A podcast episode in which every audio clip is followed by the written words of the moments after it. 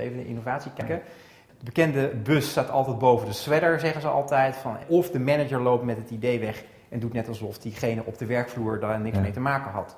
Dat kan natuurlijk tegenwoordig ook met het moderne 3.0 eh, internet, maar ook op andere methoden natuurlijk veel makkelijker. En daar hebben we een soort OR-combinatie met management en allerlei andere, de CTO erbij en een paar andere mensen. Kortom, je levert een idee in. Als jij een idee hebt, het wordt behandeld door de commissie. Dan kan ze ook wel zeggen van nou niet interessant. Bang, meteen incentive. Beloning, Ja. bonus. En op het moment dat die eh, een stap verder gaat, gaan ze doorberekenen van... hé, hey, is het niet interessant om in te voeren? Kunnen we dat ene boutje wat die werknemer bij Netcar al jarenlang draait... terwijl hij zegt van het kan veel handiger. Waarom zou hij het vertellen aan zijn baas? Nou, omdat hij daar wat mee kan. Omdat hij wil worden beloond. Maar hij wil ook gewoon in geld worden beloond. Niet alleen van, oh, eh, Pietje heeft wat leuks bedacht.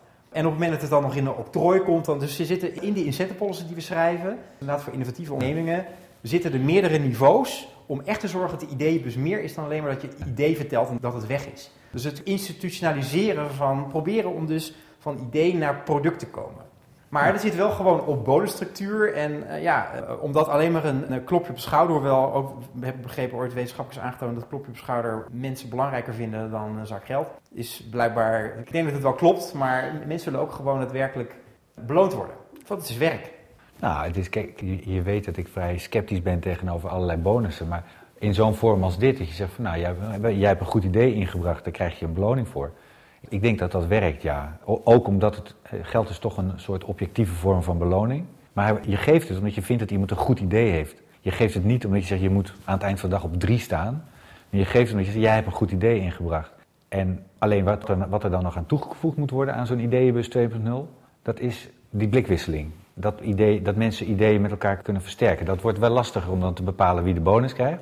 Het leuke is natuurlijk dat mensen op elkaar zouden moeten kunnen reageren. Dus iemand brengt een idee in. Dat zou dus op de een of andere manier zichtbaar moeten zijn voor anderen. Dat kan je natuurlijk met jammer doen of met een soort Wikipedia-achtige bedrijfsomgeving. En als dan mensen ook kunnen reageren op mekaars ideeën, dan krijg je blikwisseling en dan wordt het meer waard. Want anders krijg je alleen maar ideeën van één iemand. Terwijl de kracht nou juist zit in al die verschillende mensen bij elkaar. Dus dat zou je er nog bij moeten organiseren een goede ideeënbus 2.0. Ja, er zijn natuurlijk al eh, ook bedrijven die dat doorpakken. Procter Gamble, eh, het is zo'n bedrijf die van ja, die zullen alles wel zelf bedenken. En die hadden een plan van er moet minstens 50% van buiten afkomen. Nou, is intern daar waren heel sceptisch over, dat gaat nooit gebeuren. Maar inmiddels eh, doen ze 60% van hun nieuwe producten komt van buiten. Een aardig voorbeeld, ik vind er verder niks aan, maar een aardig voorbeeld is natuurlijk die, die chipswedstrijd van nou, verzin een nieuwe smaak. Of omgekeerd de biermerken die el- elke maand een nieuw, een nieuw smaakje opzetten. Om te proberen Ja. om dat voor elkaar te krijgen. Want dat is weer tussen innovatie en productontwikkeling. Moet je ook natuurlijk een, een groep hebben die dat wil gaan eh, kopen. Want alleen maar Ja. innoveren is natuurlijk, natuurlijk niks. Maar goed, er zit natuurlijk veel meer creatief vermogen buiten een onderneming dan erbinnen. Ik bedoel, dat, dat is evident. En dus A, ja, daar zitten veel meer ideeën. En als je die weet te motiveren, als je die weet te mobiliseren, dan, dan dan kan het heel veel opleveren. En het grappige is, hè, het voorbeeld van Lego. Die betrekken allemaal mensen bij het ontwerpen van die dozen. En op het moment dat ze dan zo'n doos op de markt brengen, dan heb je dus al 5000 kopers van die doos. Namelijk iedereen die eraan heeft meegeholpen. Die, willen hun eigen doos kopen. Dus als je het slim doet, kan het nog op twee, het mes aan twee kanten snijden ook. Maar eh, ja, de wijsheid buiten de onderneming benutten, dat is een heel belangrijk onderdeel. Dus je hebt je ideeënbus intern 2.0 Ja. en je moet Ja. ook nog een externe Ja. ideeënbus 2.0, Ja. waardoor je ook weer meer competitie eh, voor elkaar krijgt. De groep die daadwerkelijk kan bijdragen wordt gewoon veel groter. Ja, een heel beroemd voorbeeld is Goldcorp, een, eh een gouddelversmaatschappij eh, uit Canada. Die hadden grote terreinen en eh, daar hadden ze een aantal goudaders. Nou, die raakten langzaam uitgeput en ze konden niks nieuws vinden. En toen hebben ze uiteindelijk hebben ze gewoon alle geologische kennis die ze hadden. En dat was, dat, daarvan vond iedereen dat dat eigenlijk de belangrijkste asset was van de onderneming. Dus dat moest je vooral niet openbaar maken. Maar dat hebben ze toch openbaar gemaakt. En hebben ze gewoon gezegd, als we dankzij een tip van jou een goudader vinden, krijg je 1% van de opbrengst.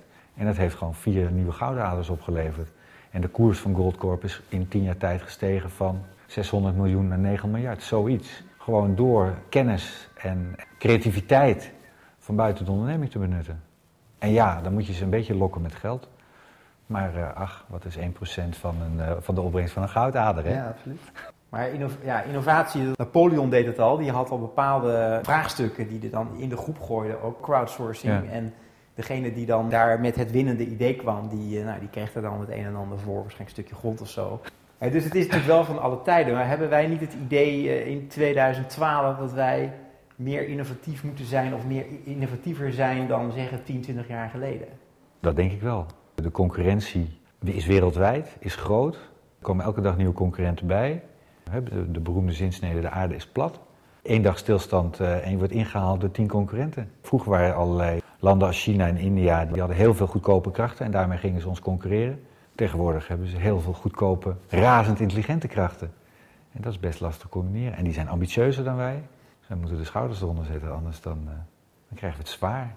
Dus ja, wij moeten innoveren. Ik denk dat we het nog zwaarder gaan krijgen, omdat je dat internationaliseren, dat ook landen die vroeger naar binnen keken, nu naar buiten kijken, die worden steeds meer. Ik bedoel, um, het, was het weekend, Fortune Global 500 weekend, en er staan dus allerlei van die editorials in. Japan schrijft een heel groot stuk over, we gaan naar buiten kijken en uh, we zijn daar druk mee bezig. De jongere generatie die um, de Lost Generation wordt genoemd, omdat ze ja, eigenlijk niet konden. Die, die beginnen nu zeggen beslissers te worden en uh, die zie je naar buiten kijken en die praten ook weer Engels en die, die kunnen wat.